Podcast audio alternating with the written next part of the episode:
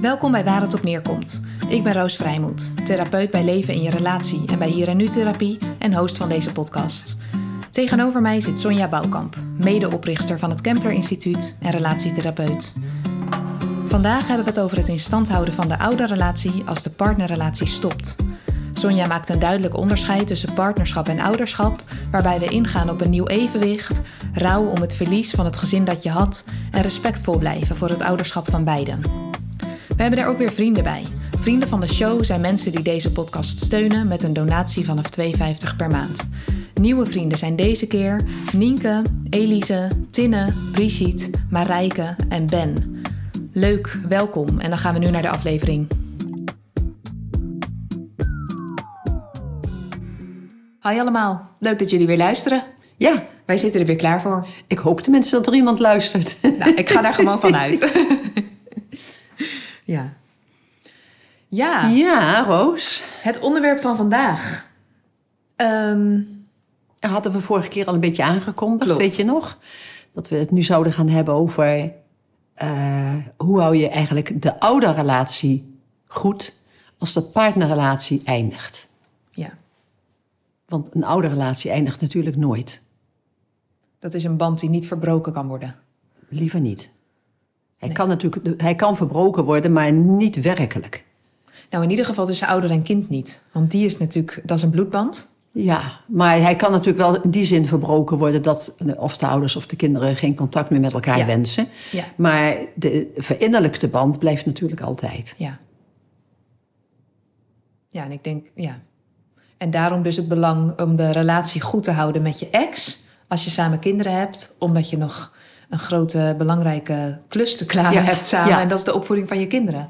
Ja, en dan vind ik wat je zelf net precies zegt, dat vind ik heel, heel mooi klinken, maar dat is wel heel hoog gegrepen om de relatie goed te houden met je ex. Want dat is voor veel mensen niet te doen. Dus dat is. eh, eh, En hoe zou jij het formuleren dan? ik zou eerder zeggen om, om de oude relatie in stand te houden.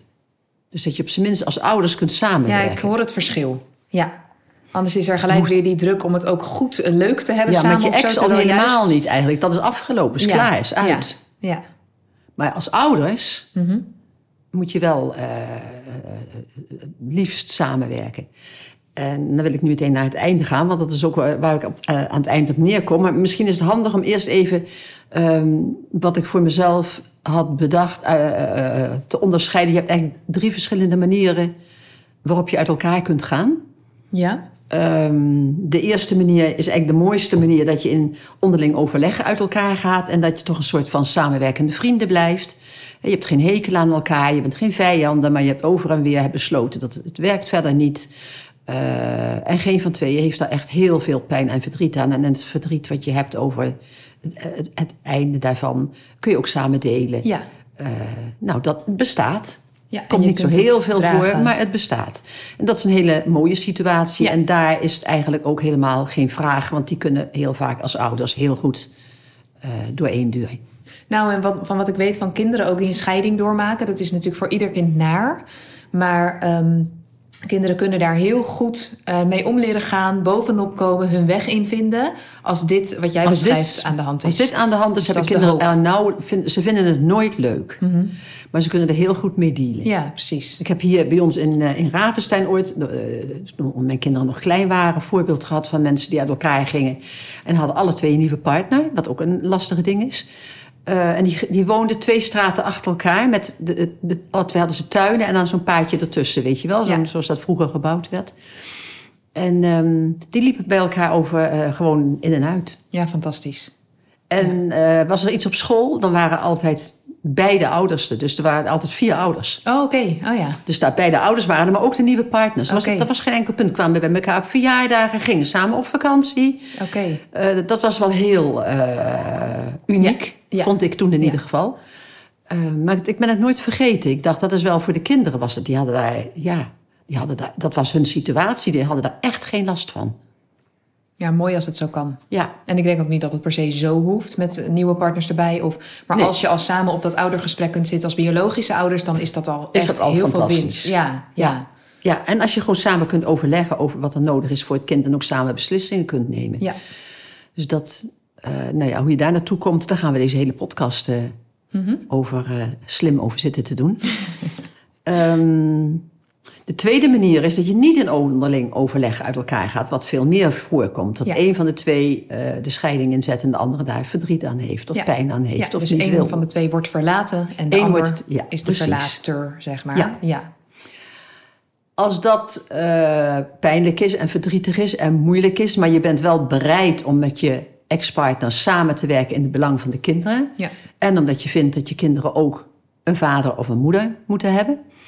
Ehm, net- of of eh, het kan, kunnen ook andere situaties zijn. Hè. Het kan ook zijn met twee moeders of twee vaders. Maar Ja. dat je vindt dat ze er allebei moeten zijn.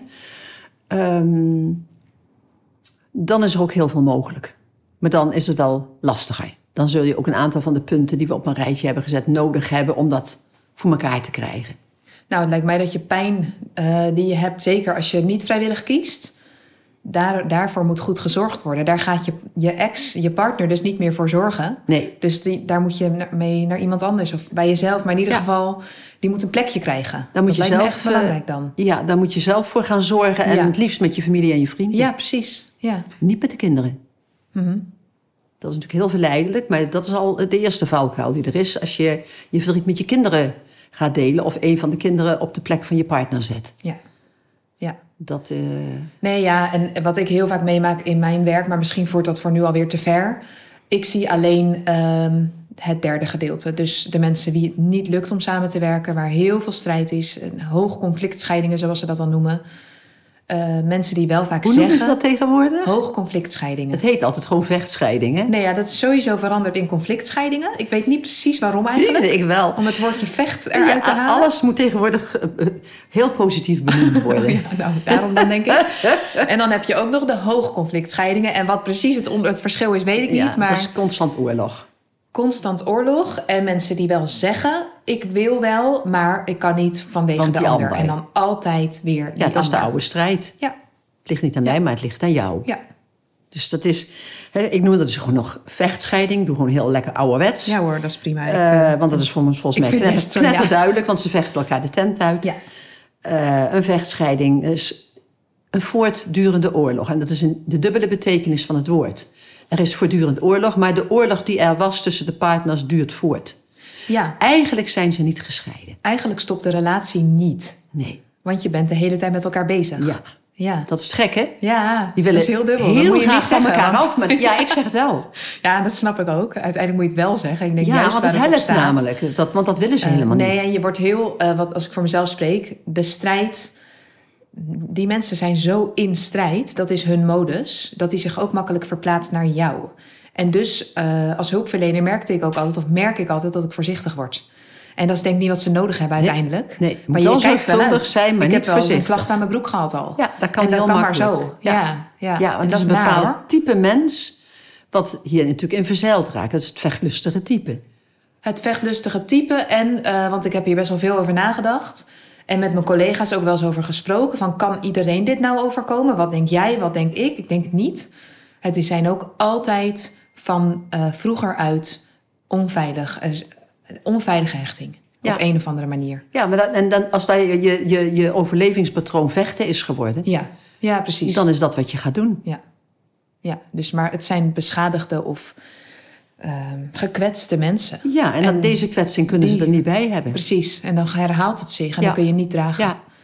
Maar het helpt soms wel als, als ik dus zeg van... Goh, je, je- wanneer, wanneer gaan jullie nou echt scheiden? Kijken ze je aan alsof je eh, gek bent. ja. Eh, en dan leg ik uit wat ik zie. En dus ik, je, je bent nog altijd helemaal afhankelijk van je partner. Want als die zich niet gedraagt zoals het volgens jou moet... dan ben jij in alle staten. Hè? Die bepaalt nog precies hoe jij eh, zult reageren. En dat is wat ze helemaal niet willen. Dus dat kan wel helpen om uit die vechtmodus te komen. Nou, ik zei vorige week ook nog tegen een vader van... eh, waar is jouw plek als vader?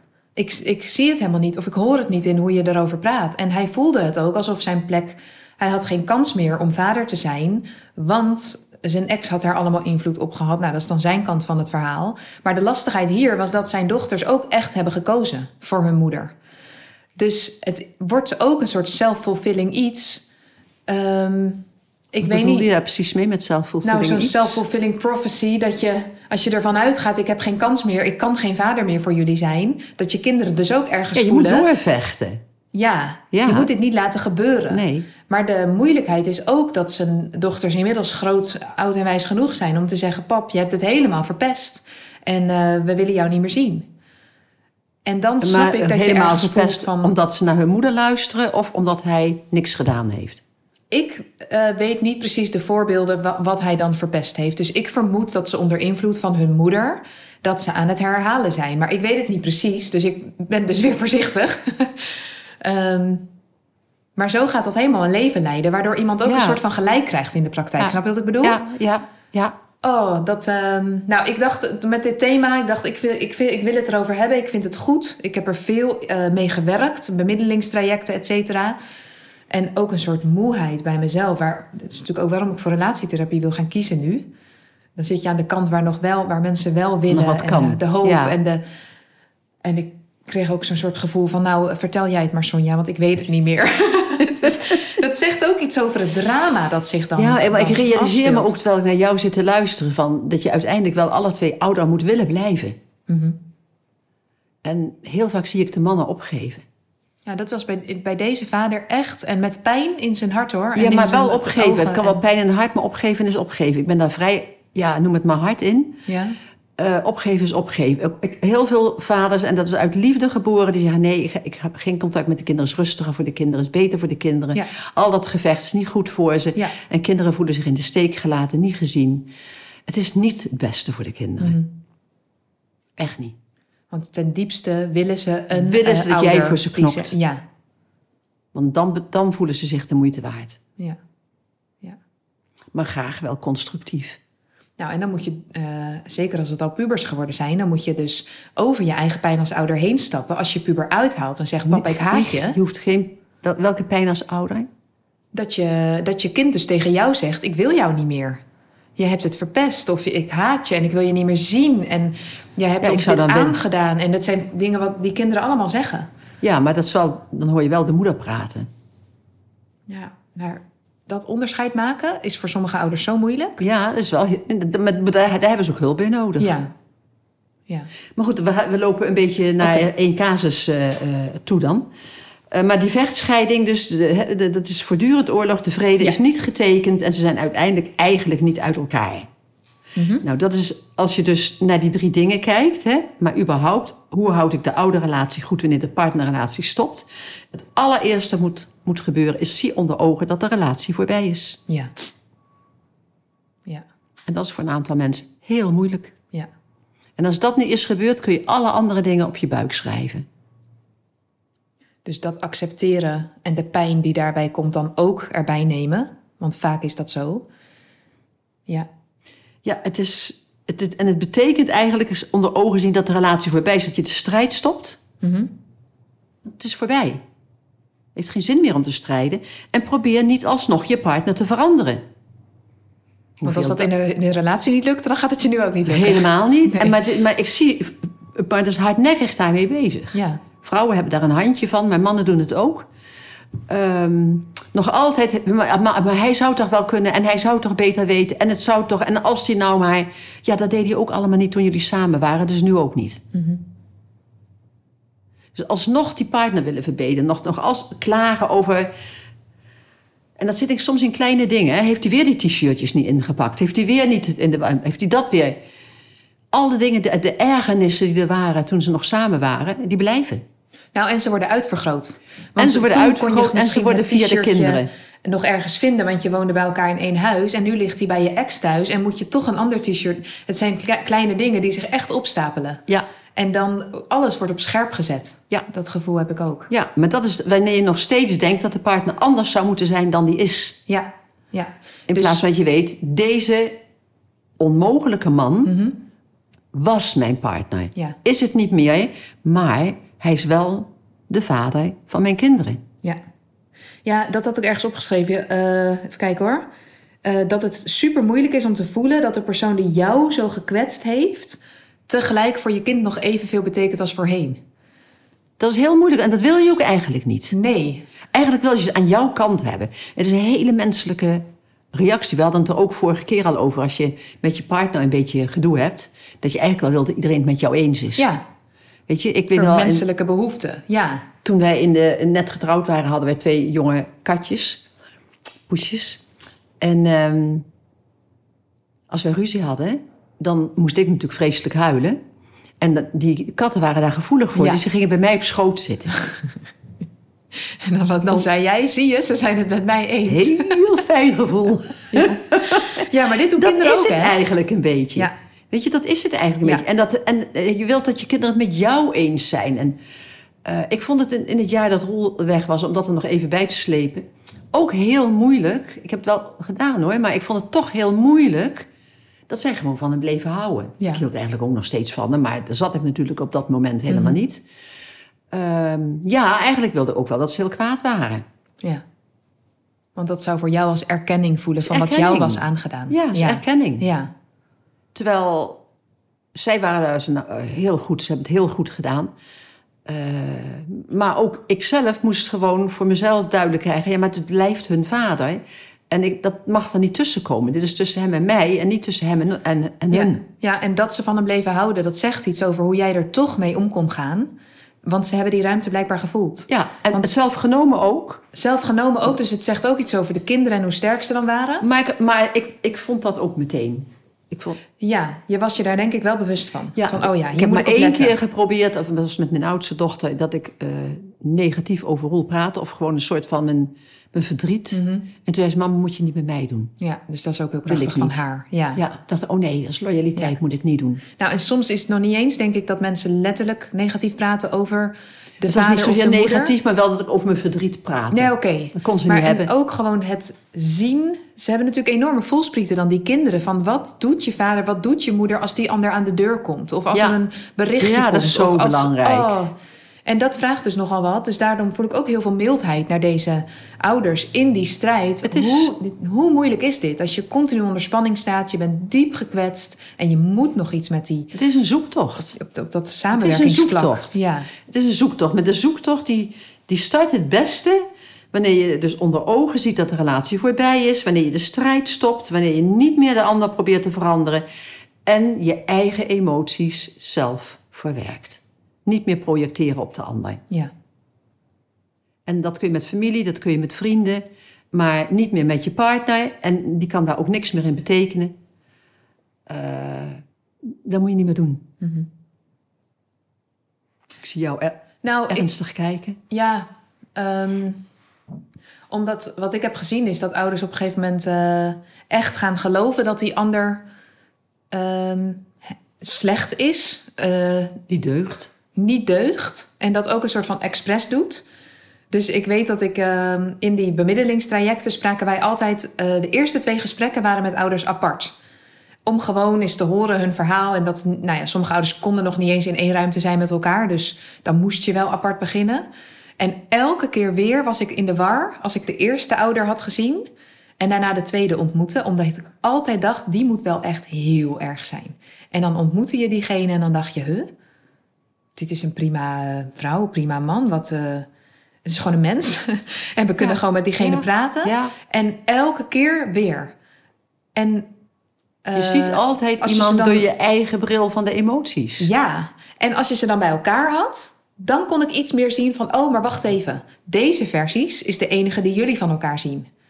Maar dat vond ik dan ergens zo zonde, omdat dan kwamen die triggers omhoog en dan gingen ze wat meer in die strijd. In die oude overleving. Opeens snapte Ja. ik hoe er gepraat werd over die en over die. Maar zij zagen alleen elkaar op deze momenten. Ja. Dus Dat is precies waarom ik nooit individuele, of bijna nooit, nee, nooit een individuele therapie doe als er een partner is. ja, Want ik krijg, ik krijg een beeld, Ja. want het gaat bijna, eh, ook individuele therapie gaat bijna altijd over de relatie. ja, Eh, en ik krijg een beeld voorgespiegeld, wat, wat waarschijnlijk op geen enkele manier recht doet aan de werkelijkheid. En daar moet ik mee in zee. nee, ja, Dat, dat is werken met je handen op de rug. ja. Dus precies. En, en- alle keren als de partner kwam, was het altijd een heel ander iets of iemand dan ik me had voorgesteld. Ja. Ik heb me ook wel eens gewapend. Ik dacht van, nou, ik denk dat ik deze maar individueel hou. Want dit is wel een erge partner. Hoef, kan ik die wel aan? ja. Nou, ja. helemaal niks.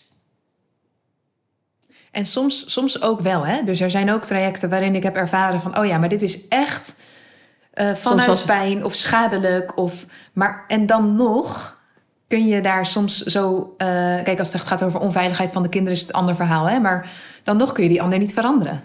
Dus soms maakt een andere ouder ook echt keuzes... waar je niet achter kunt staan. En dan toch op je eigen grond blijven. Je eigen schutting, nou ja, hoe je het wil noemen.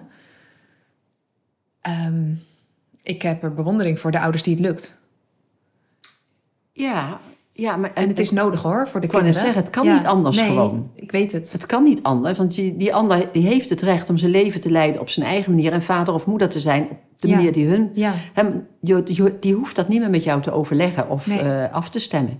dus dan moet je erop vertrouwen dat hetgeen wat jij meegeeft aan je kind ook mee, eh, ja, meetelt En in de dat de opvoeding. ander geen onmens is. Nee. En dat zal natuurlijk wel eens een keer voorkomen, hè, bij in heel ernstige gevallen.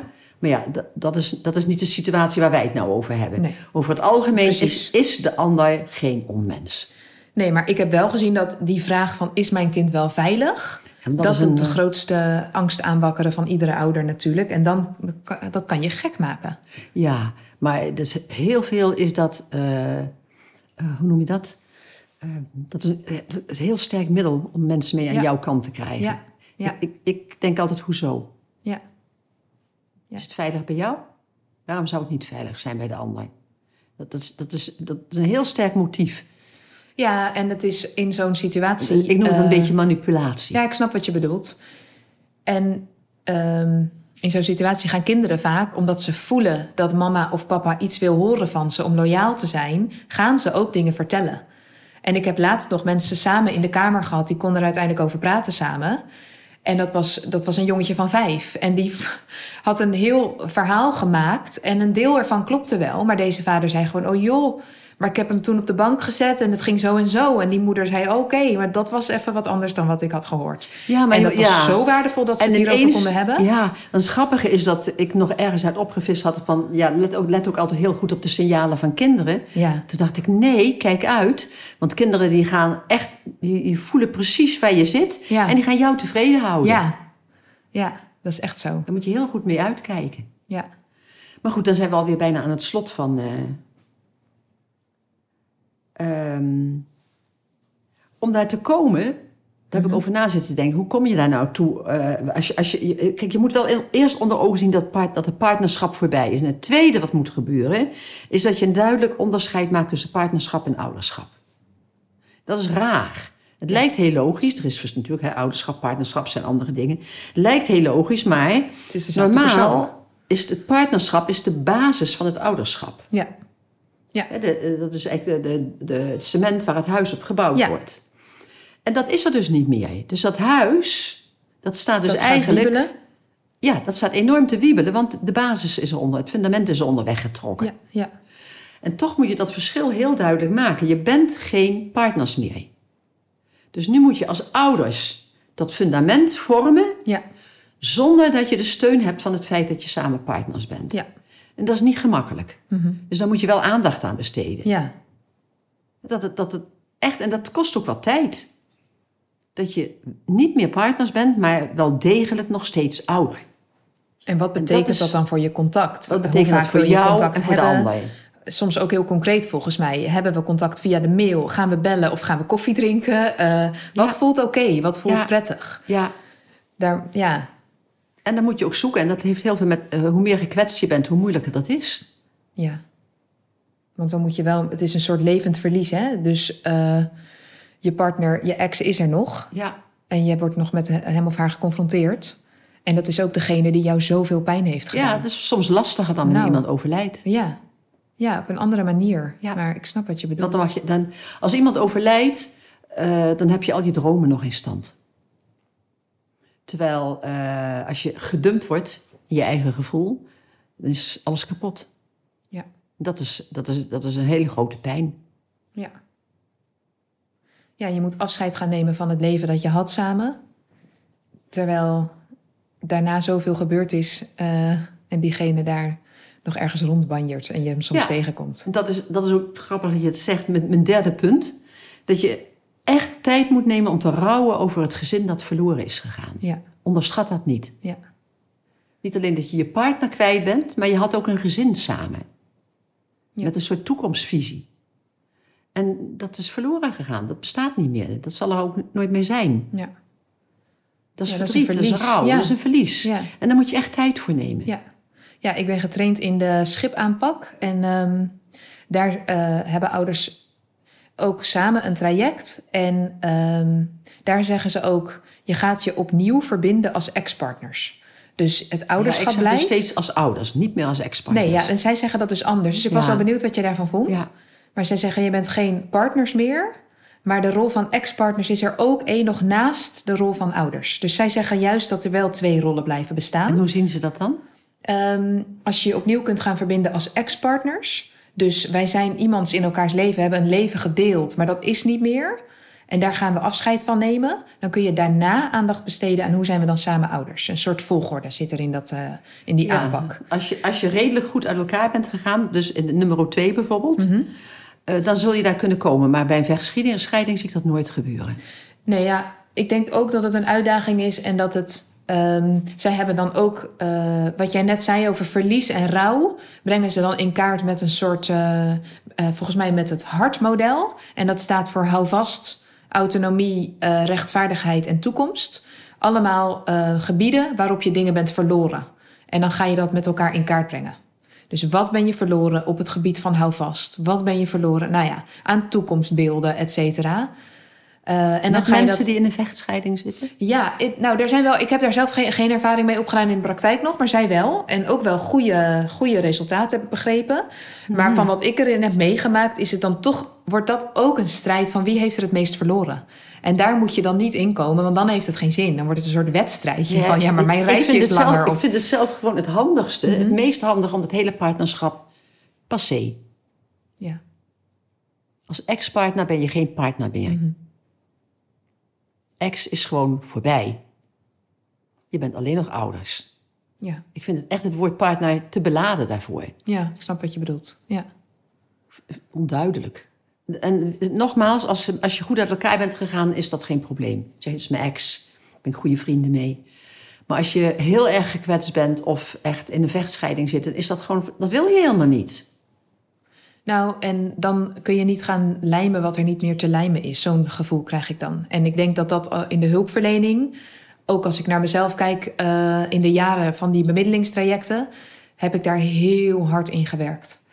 Om te lijmen wat nog te... wat niet meer te lijmen was. Nee. Dus eh, zo belangrijk die samenwerking, maar dan ook met vriendelijk en dan ook dit en ook dat en allemaal vanuit een soort missie hoor en goede Ja, bedoelingen. snap ik, maar dat probeer en ik allerlei niet eens. methodieken en weet ik veel, maar Ja. ja, ja Nee, ik ook denk van de koude nee. kermis thuisgekomen. Zowel Ja, ik ja. als die ouders. Om, ja, omdat het niet kan. Mhm. Mensen kunnen dat niet opbrengen. Ik denk dat is niet reëel. Je moet onder ogen zien dat dat dus niet reëel is. Ze Nee. kunnen het niet. Mhm.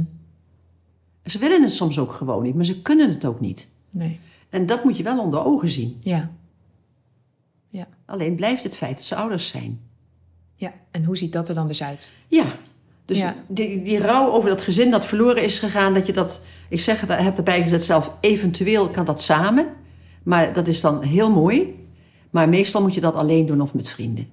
Omdat juist het samen er niet meer is. Het is weg. Precies, ja, ik snap En het. je moet het niet net doen alsof het er nog wel is. Juist in de beginperiode willen mensen dat soms juist helemaal niet. En En- afstand. Ik zit nu te denken, hè? Eh, jij zei net van realiseer je dat het voorbij is. Dus stop met strijden, want anders zie je het eigenlijk alsof het niet voorbij is. Maar zit daar dan niet een soort tegens- tegenstelling in met eh, waar we het net over hadden, dat je niet zomaar je positie opgeeft? Dus als je voelt van de vaderrol of de moederrol glipt tussen mijn vingers weg, want mijn ex is aan het stieren. En blijf staan en, en geef niet op. Daar zit ook iets strijdigs in. Dus kan ik je dat. zie het niet, ik zie het strijdige niet. Leg eens uit. Nou, dat je dan zegt, eh, eh, ze zijn de hele week bij jou. Wacht even, we, we hadden afspraken gemaakt over de omgang. Ik, ik noem maar even iets uit mijn hoofd hoor. Mhm. Ehm, ik wil mijn kinderen zien. Ja, En dan zegt je ex nee, want eh, eh, Marietje die wil deze week niet. Want je hebt vorige week iets heel lelijks tegen haar gezegd. En dat heeft Marietje dan ook echt verteld tegen mama. En eh, ja, ik, het lukt me niet, sorry. Ik krijg er niet... eh, nou, je snapt hoe dat kan gaan. Mhm. En dat je dan ook de machteloosheid voelt. En ook denkt, ja, maar dit laat ik niet over mijn kant gaan. en dan ga ik het met Marietje uitpraten. Maar die, die schuilt weg achter moeder, omdat ze, of achter vader, kan ook andersom, hè? Maar, ja, maar, maar dit wordt heel weinig gedaan, hè? Mhm. Dat de vader dan op afstaft en zegt... Marietje, laten wij eens even praten, want wat is dit? ja. Ik denk dat dit weinig wordt gedaan, ja. Ik denk dat soms dan ook de kans er niet is, omdat gewoon de deur van het huis letterlijk dicht zit. En Ja, maar gewoon, er zijn wel eh, afspraken, hè? Tegenwoordig wordt dat wel vrij goed geregeld, hè? Moeders mogen niet zomaar, als er een omgangsregeling is, Mhm. die niet nakomen. Maar het lastige is soms dat eh, mensen niet eens tot die omgangsregeling komen door al deze strijd. En dan gaan ze naar de rechter. Oké, soms is het nodig, maar dan verhoogt de strijd altijd eerst, omdat advocaten zich ermee Ja, gaan dat is ook een hele, hele nare complicatie. Ja. laten we hopen dat het daar niet komt. Maar soms wordt het één groot eh, eh, lelijk ding. Ja. Maar de hoop is dat je over en weer snapt. Maar da- en daar wil ik aan, aan het eind nog heel, ook heel duidelijk zeggen. Ja, Je hebt twee mensen nodig die alle twee vinden dat de ander ook recht heeft op ouderschap. ja, ja. Ja, dat is een mooie, Als dat een er niet is- basisprincipe. Ja, ja. Als dat er niet is, dan, dan werk je al met de armen op je rug. ja. Als een van de twee vindt, jij moet eigenlijk geen vader meer zijn... of jij bent geen goede moeder. eh, Dan kun dat, je, is, dat is de oude strijd. Ja. Ja.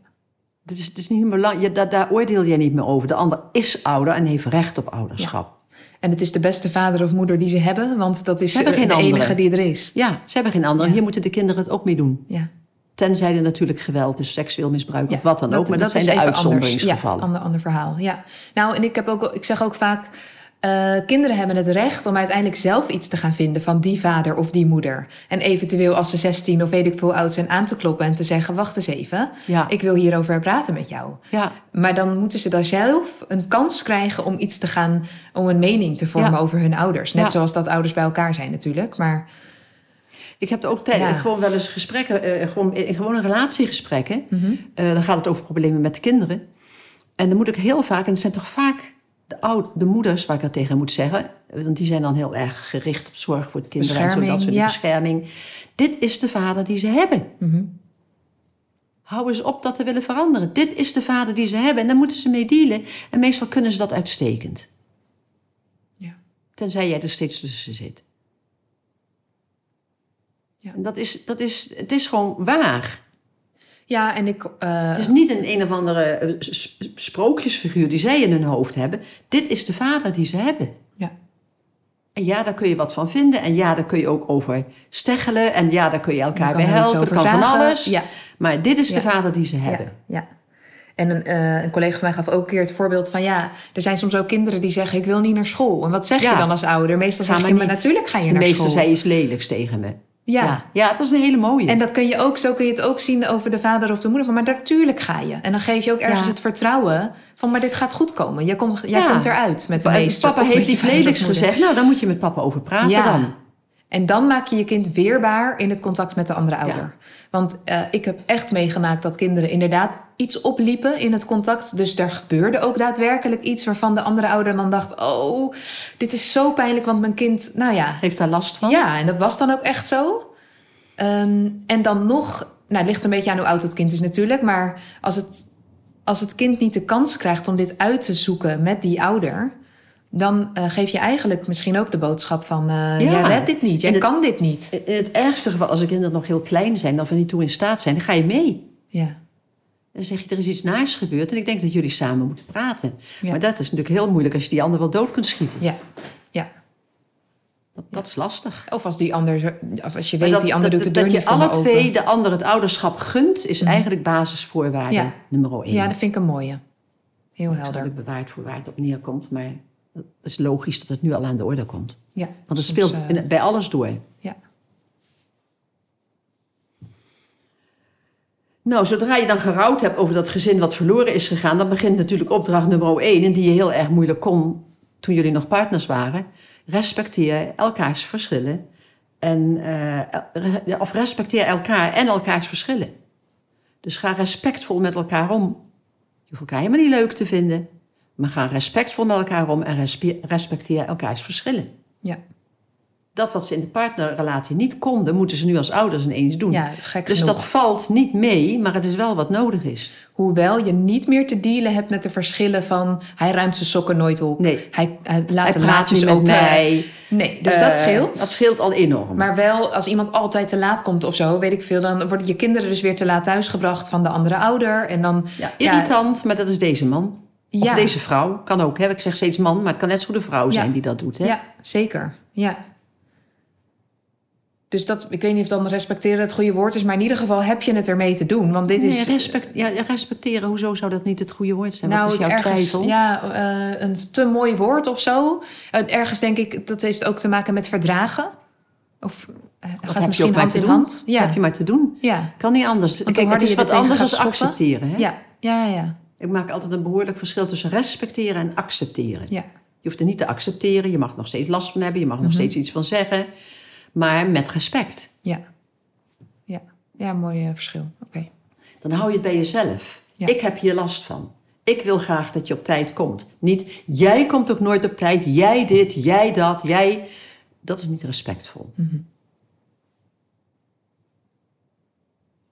Ja.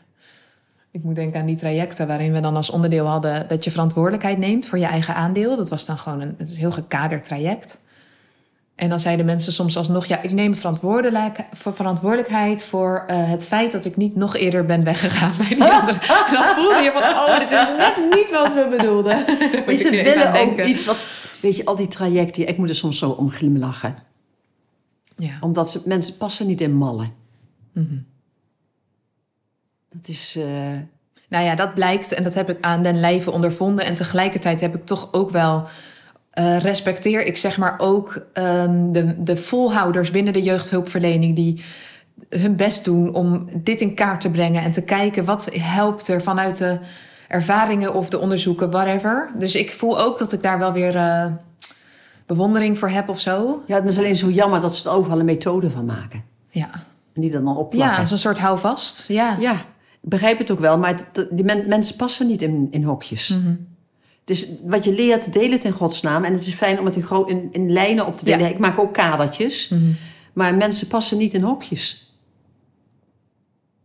Nou, ik heb, dat, eh, ik heb dat ook wel zo ervaren. En tegelijkertijd wisten we het soms. Het was ook soms heel fijn om te weten van eh, dit is de start van het traject. Welkom bij ons. Dit Ja, is het eerste Hartstikke onderdeel. handig. Het is niet zozeer goed voor Ehm. de cliënt. Het is hartstikke handig voor de hulpverleners. Is, want soms wist je het ook gewoon niet. En dat vind ik niet slecht, maar wees daar eerlijk over. Ja. Zeg dan, dit is handig voor ons, want wij weten niet hoe we het anders moeten doen. Mhm. Dat vind ik vrij eerlijk. Maar nee, dat is heel goed voor die cliënten. Dan denk ik, ja jongen, hé, hey, zo ligt het meestal niet. Maar goed, dan gaan we heel inhoudelijk naar de hulpverlening kijken. Ja, dat hoeft niet. Eh respecteren elkaar en elkaars verschillen. Nou, daar hebben ze dus ook al een flinke kluif aan. Eh, maar goed, als je eenmaal daar bent, want die punten die zijn vrij na elkaar ook. Hè? Dat is een ander ding, en dat weet eigenlijk iedereen wel. Wees nooit negatief over elkaar in bijzijn van de kinderen. Ja. ja, en die is zo logisch. En ik denk dat de meeste gescheiden ouders daar ook meteen op zouden zeggen van nee, dat weten we. Maar dan zijn er dus die subtiele dingen. Heeft hij nou De alweer zucht, je sokken niet de oog, ingepakt? oogrol. De, ja, Is al genoeg. ja. Of, oh, eh, zei papa dat zeker? Of, nou, eh, kleine, Ja, kleine ja. dingetjes. Oh, is papa, ja. ja. Oh, heeft mama dat gezegd? Ja, ja, ja, ja, ja, ja. Ja, maar je weet toch hoe mama is? Ja. En daar zit het hem in. En dan weten je kinderen genoeg Ja. Hoe ze voor jou En dat is dan nog kleine dingetjes. Terwijl er wordt echt wel negatiever gedaan over eh, eh, elkaar met Ja. kinderen erbij, hoor. En soms niet eens tegen de kinderen, maar wel in dezelfde ruimte waar kinderen zijn. Of kinderen die het meekrijgen. Of, Ja. eh, Ja. en dat is, ja, het is niet dodelijk, maar het is heel, heel slecht voor de kinderen. Ja. Die komen in een loyaliteitsconflict. En ze Ja. gaan kiezen voor de ouder. Meestal gaan ze dan kiezen voor de ouder die ze het meest zielig vinden. Voor wie ze het meest eh, voelen, daar moet voor gezorgd worden, volgens Ja. mij. Ja. En dat is niet altijd de ouder bij wie ze wonen. Oké, oh nee. Ja, in de praktijk maak ik dat volgens mij wel het vaakst mee. Dat ze Die dan ook ze- voelen, ja, die daar wil ik kan het meest zijn. Die kan ze het meest beïnvloeden.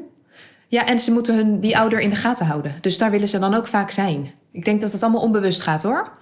Ik, weet niet, ik heb ook heel veel meegemaakt met gescheiden ouders. Wel Mhm. de kinderen bij de, moeder wonen. Maar heel erg op de hand van de vader zijn. In die zin dat ze wel afkeuren dat hij weg is gegaan en dan met de moeder eens zijn. Oh ja. Maar heel erg zorgend op de ander gericht, op Oh die ja. vader dan gericht zijn omdat hij zo zielig is. Ja.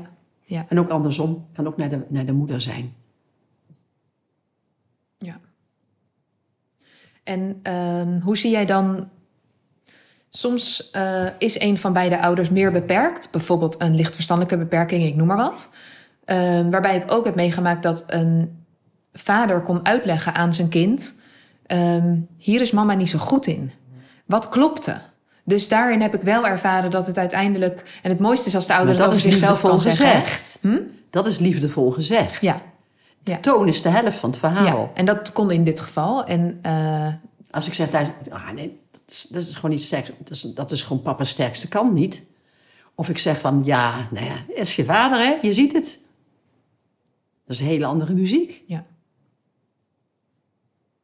Ja, dus je hoeft natuurlijk ook geen dingen uit de weg te gaan die gewoon het kind de hele tijd al meemaakt en voelt en ziet. Nee, nee. Dan is het juist fijn als het benoemd wordt of uitgelegd. respectvol. Ja, Altijd respectvol. Negatief zijn, dat is, vind ik niet negatief zijn. De met elkaars beperkingen zien op een positieve manier gebracht. ja, Hè? Dan moet je niet bij papa zijn, daar is papa gewoon niet goed in. Dan moet je niet bij mama doen, mama kan daar niet tegen. Eh, dat is helemaal geen punt. ja, Daar help je elkaar nog steeds mee ja, eigenlijk. ja, En kinderen weten dat al lang. Maar negatief zijn is heel iets anders. Dat is gewoon een beetje de andere in de, in de, in de, eh, in de pan hakken. ja, precies. Ja, ja, Laten voelen, laten voelen dat die ander niet oké is. ja, want dat is eigenlijk natuurlijk wat je... En daar, Voor je gevoel kind helpt, mee, ja, maar- doe je je kind iets mee aan. Ja, want het kind is een stukje van die ouder. Zo, zo zie ik het. Komt Ja, voort uit die, Die wil ze alle twee heel houden. Dus je, ja, want je laat je kind ook niet heel als je iets naar zegt over de andere ouder. Nee. En je laat zijn grote, diepe, diepe wens om beide ouders heel te hebben, Ja. daar doe je iets mee. Ja. Want allebei zijn zijn of haar wereld. Ja. Ja. Ja. Nou, in dat kader ligt natuurlijk ook een, eh, iets wat heel fijn is als je dat kunt. Dus als je over je, ik noem dat altijd over je eigen schutting heen kunnen kijken. Ja. Je bent gekwetst, eh, je zit met een aantal dingen, je bent boos. eh, eh, dat is een soort van schutting, noem ik dat altijd. Maar als je daar overheen kunt kijken en grootmoedig kunt zijn, dan helpt dat wel. Ja. Dan heeft de andere al die nare eigenschappen misschien en zo, maar maak daar niet iedere keer zo'n punt van. Ja. Ja. En dat heeft ook soms te maken met, er is, er is een omgangsregeling. En er zijn ouders die wij- wijken daar ook geen millimeter van af. Ja Oh, vanuit kunt- angst. Nou ja, vanuit angst, maar soms ook gewoon van eh, oude rancune.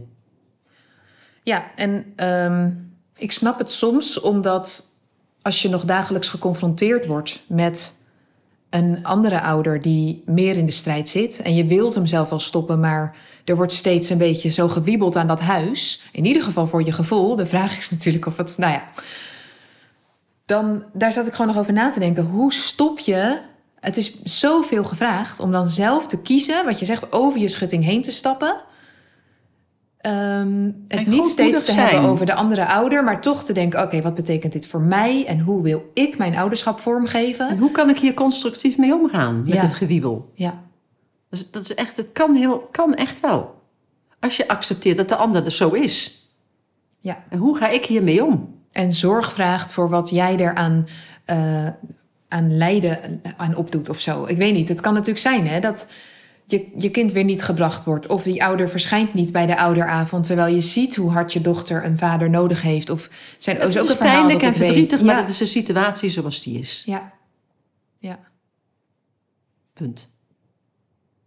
Echt, punt. En jij bent moeder en onderschat je eigen invloed niet. Of andersom. Precies. En Ja. maak geen toestand daarvan. Het is jammer dat papa er niet is. Het is jammer dat mama er niet is. Ja. Vind, vind jij jammer, vind ik ook jammer. Ja. Maar het is zo.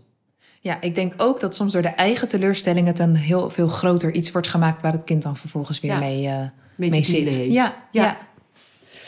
Oké, we moeten een beetje de tijd in de gaten Ja, we houden. zitten bijna op drie kwartier ja, alweer. precies. En we zijn er nog lang niet. Oh, Ja, dat grootmoedig zijn. Ik, ik maak dus heel veel mee dat ze mensen niet... bijvoorbeeld met het maken van afspraken voor vakanties... eh, met jou mee. Met je, kan het een weekje eerder? Kan het een dag later? Nee. En dat, dat zorgt voor heel veel frustratie. Klopt. Ja, dat ik geef elkaar wat. Geef elkaar wat ruimte. Vraag ook wat terug, maar geef elkaar ook wat ruimte. Ja. Help. Dat, dat, dat, dat scheelt zoveel in de onderlinge verhouding. Ja. Als ouders. Niet als partners, als ouders. Ja joh, er zijn zoveel verjaardagen van familieleden, opa's, oma's die gemist worden. Omdat nee, want het is mijn week. Ja. En dat is Ja. een soort principe. En Ja. geen, eh, nou ja, ja, nou dat soort dingen. Daar is zekere soepelheid in hebben, is, is heel fijn. Ja. Nou, die andere dingen die ik heb opgeschreven zijn ook wat minder eh, problematisch. Want dit, als je deze dingen allemaal kunt, dan ben je er eigenlijk al wel. Wat er gewoon belangrijke dingen zijn waar, waar je als je als ouder mee te maken hebt wanneer je geen partners meer bent, is dat je toch dat je eerlijk blijft en transparant. Dus eerlijk over waar jij staat, wat jij belangrijk vindt, wat jij graag wil. Duidelijk over waar je naartoe wilt met je kind. Transparant zijn. Ook aan de ander vragen waar die dan staat en waar Ja. die naartoe wil ja. elkaar altijd meenemen in de besluiten. Dat zie ik ook als een soort geniepig mechanisme. Dat eh, het besluiten van, over de school of over wat worden genomen en de andere ouder wordt niet betrokken. Nou, dat zet heel veel kwaad bloed-. Dus neem elkaar nog steeds mee. Je bent ouders. Hou dat steeds voor ogen. En eigenlijk ben je er ook toe verplicht, voor zover ik weet. Je bent om er elkaar op de hoogte te houden. Ja, inderdaad. Maar er wordt, wordt de hand mee gelicht. Nee, eh, dat is geen garantie van, oh, dit zegt Nee. de wet of zo. Nee. Maar goed, soms helpt het wel. Ja, Om ja stok te weten de van, deur. ja, maar wacht even, ja. Het helpt sowieso een school dat ze beide moeten inlichten. ja, klopt. Ehm, maar het, het, het scheelt zoveel, want je blijft je steeds voorhouden dat je ouders bent samen. Dat je een ouderteam moet volgen, hoe lastig dat ook is. Ja. En in een team moet je samenwerken en moet je elkaar meenemen in besluiten en Ja. moet je transparant Want anders, zijn. als collega's kun je anders ook niet samenwerken. Nee, Laat je bent een soort ouder. collega Ja, klopt. Het heeft ouder. iets zakelijks. Ja, het heeft iets zakelijks. En hou het, dat is een mooi woord, eh, Roos. Hou het ook zakelijk. Haal het persoonlijke eruit. Ja. Dat is een hele mooie, die had ik niet bedacht. Nou, en je, maar je wordt persoonlijk wel geraakt steeds. Dus dat, ja, dat, en dat kan doet een met collega collega's niet. ook. Nou, Nou, minder, want daar heb je niet een heel huwelijk mee gehad. Dat is waar. En, en een vreemd gaan eh, of een, eh, nou ja, weet ik veel. Maar bij sommige eh, collega's speelt dat ook. ja, dat is waar. Die een, een hele oude historie met elkaar hebben, Ja. maar dat is, dat is een anders. Daar heb je gelijk in. Nee, ja. Maar ik vind het wel een heel mooi voorbeeld van Ja. hou het zo zakelijk mogelijk eh, als ouder gewoon. Ehm, en, en dat heeft allemaal te maken met, en dat zei, zei ik net precies al eigenlijk, je moet een ouderteam gaan, vol, gaan vormen. En dat is gewoon, om het zo maar eens te zeggen, verdomd lastig. Ja, Verdomd lastig, want er zit een heleboel gedoe omheen. dus sta daar regelmatig bij stil. Dit is ontzettend moeilijk. Ja, en dat mag. Ja, Maar het moet wel. ja, precies. Dat gewoon. Ja. En, en het laatste is, respecteer ook altijd de gevoelens van je ex en van je kinderen als er een nieuwe partner komt. Want dat is een lastig gegeven. Nou, daar gaat hij weer, die trigger. Van auw. Ja, Eh. en daar, gaan, daar, daar, daar zouden we een hele aparte eh, eh, podcast aan kunnen besteden. Maar dat, eh, want dat ga ik nu niet helemaal uitbreiden. maar dat is altijd een grote trigger. Zodra dat gebeurt, is zowel voor de kinderen als voor de eh, ex-partner... is dat eh, vaak een heftige klap. Ik heb wel eens gehoord dat iemand zei dat hij het gevoel had... dat hij zijn partner toen pas echt kwijt was. Ja, dat kan. Ja. En dat snap ik wel. En eh, de mensen die, wij, eh, die ik heb gesproken, heel vaak leiden de strijd ook op omdat er een nieuwe partner kwam. ja, Omdat je dan voelt, maar wacht even. en die gaat soms ook iets mij. vinden. Ja. En die gaat zorgen voor ik, jou. Ik wil hem wel niet, maar jij mag hem ook niet. En hij Ja. komt bij mij. Hè, die, dat gaat een soort van moeder van mijn kinderen worden. Nou, dan krijg je een heel Ja, maar als ik me dat voorstel van mijn kinderen, is niet te doen. ik, eh, ik zou echt een slechte zijn in Is een vechtscheiding, denk ik. Toch moet je. Het is niet te doen, Sonja. En toch moet je. Ja. Ja. ja. Klopt. Dus ja, daar zouden we nog een heel aparte podcast aan kunnen Ja, besteden. Nou, ik moet nu Maar- denken aan het verhaal van een jongen. Wij hebben eh, vanuit ons werk ook eh netwerkbijeenkomsten georganiseerd met Villa Pinedo. Dat is een, een, een fantastische partij die eh, heel veel ehm, verzorgt op het gebied van dit onderwerp. En zij hebben ook eh, ervaringsdeskundigen. Die zijn vrijwilligers en die kun je uitnodigen. Dus dat zijn kinderen van gescheiden ouders die inmiddels Oh, volwassen dat is zijn. mooi. Ja. Die organiseren avonden. Er kan geen hulpverlener tegenop. Nee. En op die avonden mogen mensen vragen stellen. Dus eh, mensen bij ons in de trajecten mogen ook iedereen meenemen die ze willen. En je mag vragen stellen en zij gaan die beantwoorden. En nou, ik heb zitten huilen hoe, hoe vanuit hun hart zij zeiden over bepaalde vragen van... ehm, ja, hier kan ik nou net niks mee, want nu voel ik weer, ik moet kiezen bijvoorbeeld. Ja. En ook eh, een jongen die vertelde over hoe ehm, zijn bonusvader, zeg maar, met hem was omgegaan en hoe helpend. Dus dat was een succesverhaal eigenlijk. Ja. Hoe bescheiden die zich had opgesteld, maar ook hoe. Ja, een, dat werd een fijne aanwezigheid in zijn leven. Die echt iets voor hem ging Ja. betekenen. Maar zijn eigen vader mocht altijd de plek houden die hij had. Ja, maar dat, daar, dat, dat, moet is, nu dat, is, denken dat, van, is, het- maar oh. dat is het geheim. Ja. Ja. Want daar komt het op neer van die aflevering die we nog niet hebben gedaan, maar daar gaat het dan op neerkomen. ja. Wordt vervolgd. Ja. Maar goed, dat wilde ik toch nog wel even noemen, want het is natuurlijk wel een groot heikelpunt, zeker als dat al vrij snel gebeurt. Dan gaat dat hier doorheen lopen, door dit hele Ja. gedoe. Ja. Waar komt het op neer? Ja. Je moet leren samenwerken als ouders zonder dat je partners bent. Ja. En wat het belangrijkste daarbij is, en dat heb ik zelf wel vier keer onderstreept in mijn hoofd. In het belang van de kinderen wordt altijd gezegd: je moet leren samenwerken als ouders zonder dat je partners bent. In het belang van de kinderen, Ja. zegt iedereen dan. En dan denk ik, daar ontbreekt iets. Ook in je eigen belang. In het belang van de kinderen en in het belang van het ouderschap van beide. Ja. Ja, oh ja. Van beide. Dat, als je dat voor je ogen houdt. Ja. Want dat is namelijk ook in het belang van de kinderen. Kinderen willen Precies, beide die hangt ouders aan elkaar houden. vast, Die hangt aan elkaar vast. Ja. Kinderen willen beide ouders houden. En als je dat vast kunt houden... Ik heb recht om ouder te zijn. Jij hebt ook recht op ouder te zijn. Al, al, al ben je in mijn ogen de, de, de, hoe noem je dat? de kool de sop niet waard. Dit, dit is belangrijk. Ja. Dus dat moet je voor ogen houden. Van Ja. Je moet leren samenwerken als ouderteam in het belang van gedeeld ouderschap. Ja. Want dat is het beste Ja. voor je kinderen. Ja.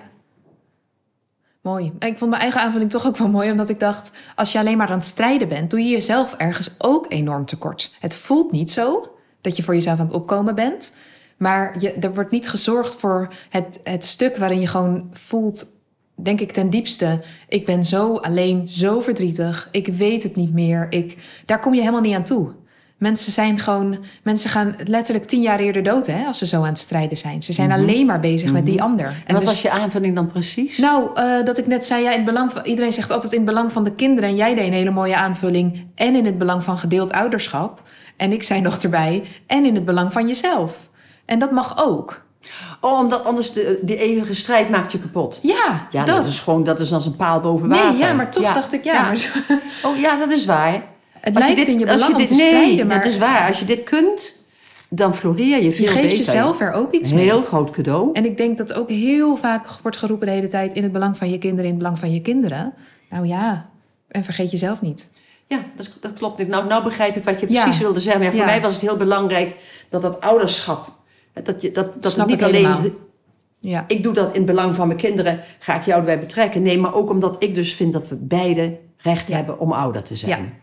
En dat dat Als een je dat basis echt is. voelt... Ja, We hebben beide recht om ouder te zijn. Als je dat echt voelt, dan kom je hier wel uit. ja, Uit deze punten, ook al is het lastig. ja. En dat is dan ook de boodschap van hoop. Omdat je is er wel uit kunt hoop. komen. Het kan, het kan echt. Ja, Maar dan moet je de strijd willen opgeven. Accepteren dat de ander je partner niet is. Dat het voorbij is. Dat je niet meer kunt veranderen. Dat je elkaar moet respecteren. Nou, dat hele rijtje. Ja. Dat moet je dan wel doen. En dan kunnen je kinderen later bij je aankloppen... en kun je ze gewoon recht in de ogen kijken. Ja, maar kunnen je kinderen later zeggen... Dat heb je goed, hebben jullie goed gedaan. Ja, Dat zeggen sommige kinderen. Dat hebben mijn ouders goed gedaan. ja ik weet het. Ja, en dat is heel wat waard. Ja, dat is heel veel waard. De klok slaat, Sonja. De ik klok denk dat het wel altijd was. mee. Dus Ja. dat is... eh, Ik kreeg laatst cliënten binnen, was heel grappig. En die hadden op tijd afgesproken op een heel uur. En toen sloeg de klok. Oh, zei ze, dat is de klok die ik altijd in de Oh, podcast hoor.